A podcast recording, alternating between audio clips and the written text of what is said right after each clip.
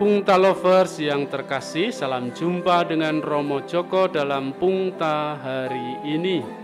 Diambil dari Injil Markus bab 8 ayat 27 sampai 35. Renungan kita berjudul Meninggalkan Paris van Java memasuki keheningan Tilburg. Ada reuni kecil semalam di Jogja, sekitar 10 orang berkumpul secara dadaan. Kami angkatan dari Seminari Mertoyudan 8185. Saya datang terlambat karena ada misa memulai. Kesempatan kumpul yang jarang ini dimanfaatkan untuk sharing iman dan kangen-kangenan. Tentu juga ada makan-makan kecil. Saya masih kebagian sate babi yang lezat. Matur ya teman-teman semua. Kami berkumpul karena Romo Didik datang dari Bandung. Beberapa waktu lalu dia memberitahu di WA Group bahwa permohonannya untuk memilih hidup sebagai pertapa terapis di Belanda dikabulkan. Dia sangat happy karena penantian yang lama ini akhirnya dapat tercapai. Sharing semalam dipenuhi rasa haru, sedih, bangga, gembira, penuh harapan. Rasa haru karena melihat bagaimana perjuangan teman ini menanggapi panggilan Tuhan.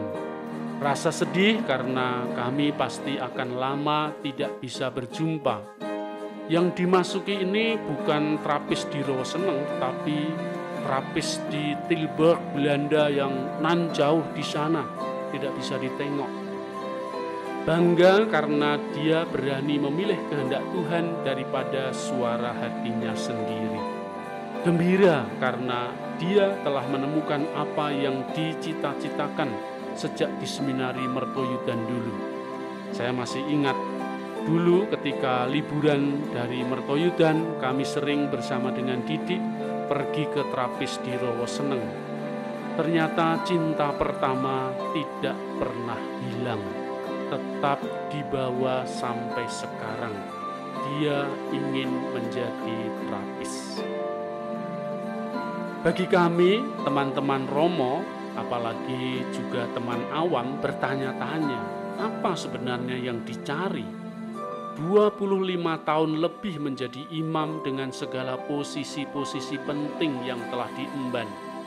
Pernah menjadi fikjen, administrator keuskupan, vikaris yudisialis, jadi pastor kepala paroki. Saya yakin dia pasti pernah dicalonkan sebagai uskup juga. Saya menilai orangnya episkopabilis. Apalagi yang mau dicari? Sampai pada titik itu, saya membaca renungan Injil hari ini seperti Petrus yang ditanya oleh Yesus tetapi menurut kamu siapakah aku ini? Petrus menjawab dengan lantang, engkau adalah Mesias. Kalau saya disuruh menilai teman saya ini, saya akan berkata, engkau pantas menjadi uskup. Saya membayangkan mungkin dia akan menarik lengan saya dan berkata, Nyahlah iblis, sebab engkau bukan memikirkan apa yang dipikirkan Allah, melainkan apa yang dipikirkan manusia. Inilah sekarang yang terjadi. Saya lebih memikirkan kemuliaan duniawi. Tetapi teman saya ini lebih memilih meninggalkan semua itu dan masuk ke sebuah biara kontemplatif penuh doa dan keheningan. Ia meninggalkan semua hiruk pikuk dunia dan ingin berdoa khusus kepada Tuhan. Ia tidak lagi memikirkan kesenangan diri, tetapi terus mencari kehendak Allah yang kadang tidak mudah dijalani. Penilaian manusia sering kali salah. Kita hanya melihat hal yang menyenangkan diri kita saja. Untuk mengikuti Yesus, kita diingatkan agar lebih memikirkan apa yang dipikirkan Allah, bukan hanya memikirkan kesenangan diri sendiri. Kita diingatkan bahwa siapa pun yang ingin mengikuti Yesus harus berani menyangkal diri, memikul salib, dan mengikuti Dia sampai di puncak Golgota. Kalau ingin menikmati kebangkitan, maka harus berani juga mengikuti dan menjalani salib sampai pada kematiannya. Yesus berkata, Barang siapa kehilangan nyawanya karena aku dan karena Injil, ia akan menyelamatkannya. Beranikah kita menyangkal diri dan menjawab tantangan Yesus ini? Beranikah kita menyangkal kesenangan-kesenangan diri kita sendiri demi kemuliaan Tuhan?